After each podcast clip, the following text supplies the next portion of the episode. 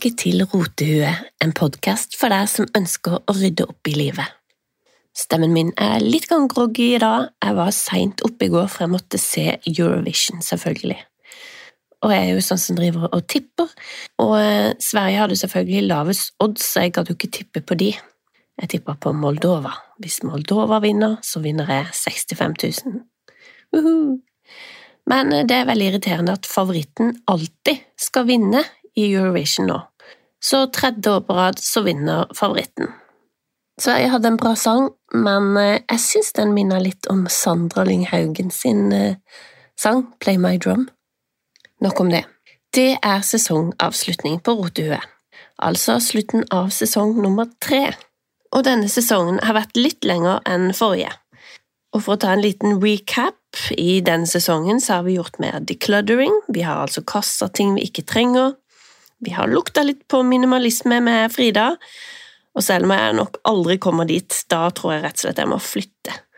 Men istedenfor å flytte, så har jeg pussa opp, og jeg har lært meg å flislegge. Eller jeg vil ikke si at jeg har lært det ordentlig, jeg har lært meg å, å legge flis eh, på bad, men å få det i vater, det har jeg nok ikke lært meg. Vi har snakket med Marie Olaussen om penger og sparing. Vi har hørt med Karina Karl om å leve et bevisst liv. Vi har hørt om Barbro som lever ut reisedrømmen sin, og Lise, min kjære kollega, sin sterke historie fra barndommen.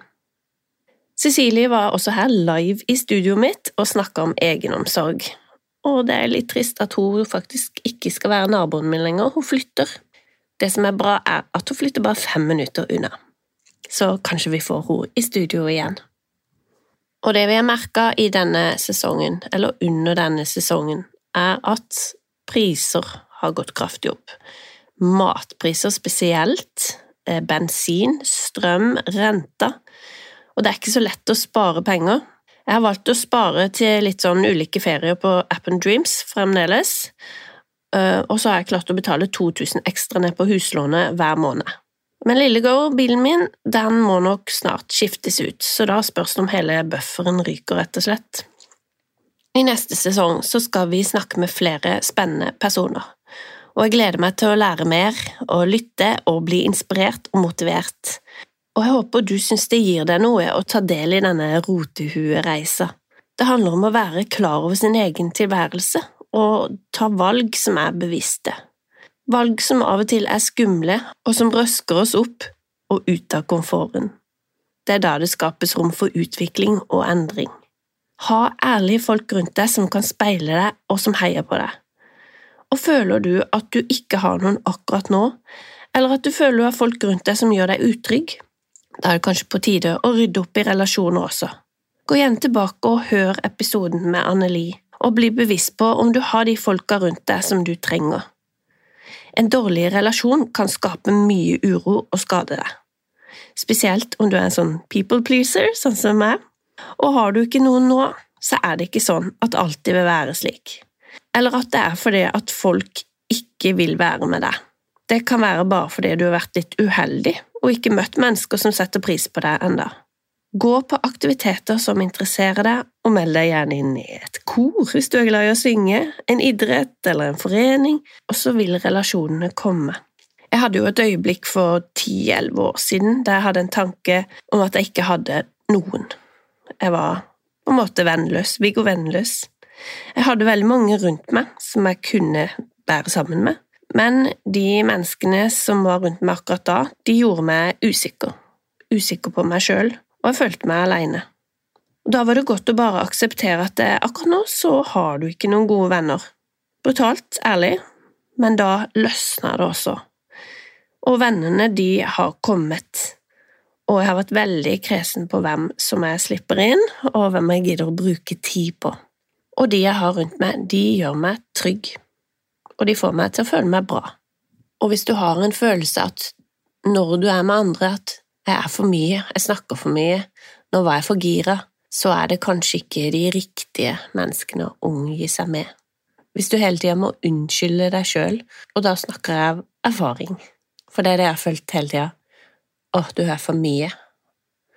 Og Fiona, hun er et surrehue, hun tar så mye plass, hun skal ha så mye oppmerksomhet, og så begynner du å unnskylde deg sjøl og rakke ned på deg selv, og det er ikke noe godt sted å være. Så når man har folk som setter pris på at du er som du er, så føler man seg jo mye, mye bedre. Så hvis du også går med de tankene, så vil jeg at du skal tenke kanskje ikke at det er du det er noe galt med, men kanskje du må bytte omgangskrets. Og det er ikke alltid sånn at man kan velge alle man har rundt seg til enhver tid. Det kan jo være familiemedlemmer eller kollegaer som man er nødt til å på en måte være sammen med, men da må man være litt grei med seg sjøl, rett og slett. Og som Cecilie sier, man må ha litt egenomsorg, og vi er vår verste kritiker, og det er det som er så kjipt, så åh, det å kunne backe seg sjøl opp noen ganger, det vet jeg er noe jeg må jobbe med, og det kan godt være du kjenner deg igjen i det. Jeg tror det er viktig også å lytte til seg sjøl når man tar valg altså styre skuta sjøl. Og selv om man har fantastiske folk rundt seg, så er det du som må ta valgene i ditt eget liv. Det er så deilig å få bekreftelse fra de rundt deg, men den bekreftelsen tror jeg også at du får etter at valget er tatt. Du vil kjenne det på kroppen når du har tatt et stort og viktig valg.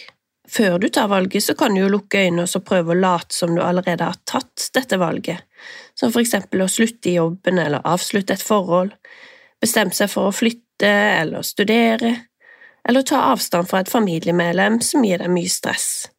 Så de valgene må jo komme for deg sjøl. Og ikke tenk problemer rundt et sånt valg, bare tenk at det har løst seg og valget er tatt. Hvilken følelse får du da? Og jeg mener jo at når man tar et riktig valg, så løser alt det rundt seg. Ting bare går seg til. Det er akkurat som et puslespill. Altså, du, du finner denne ene brikka. Åh, nå klarer jeg å se hele bildet. Og da vil de andre brikkene, som bare var blå, for eksempel, de vil falle på plass, fordi du klarer å se det store bildet.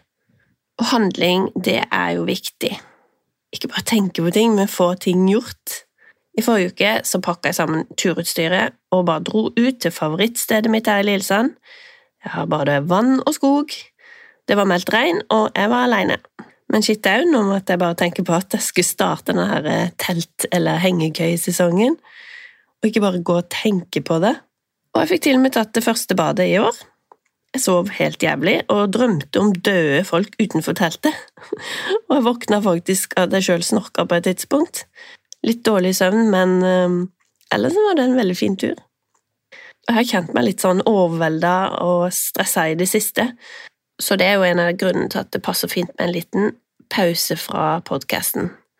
Jeg har jo to andre podcaster, Krimprat og Krimnytt, som jeg også må gjøre ferdig hver eneste uke, i tillegg til en 80% jobb i TV2 skole, og jeg driver og underviser en elev i ukulele på nett.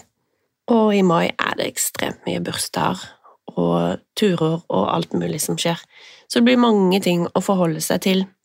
Men jeg har masse planer for neste sesong, og jeg har mennesker som jeg skal snakke med, som jeg har avtalt med, og dere kommer til å bli inspirerte og motiverte, og jeg gleder meg skikkelig.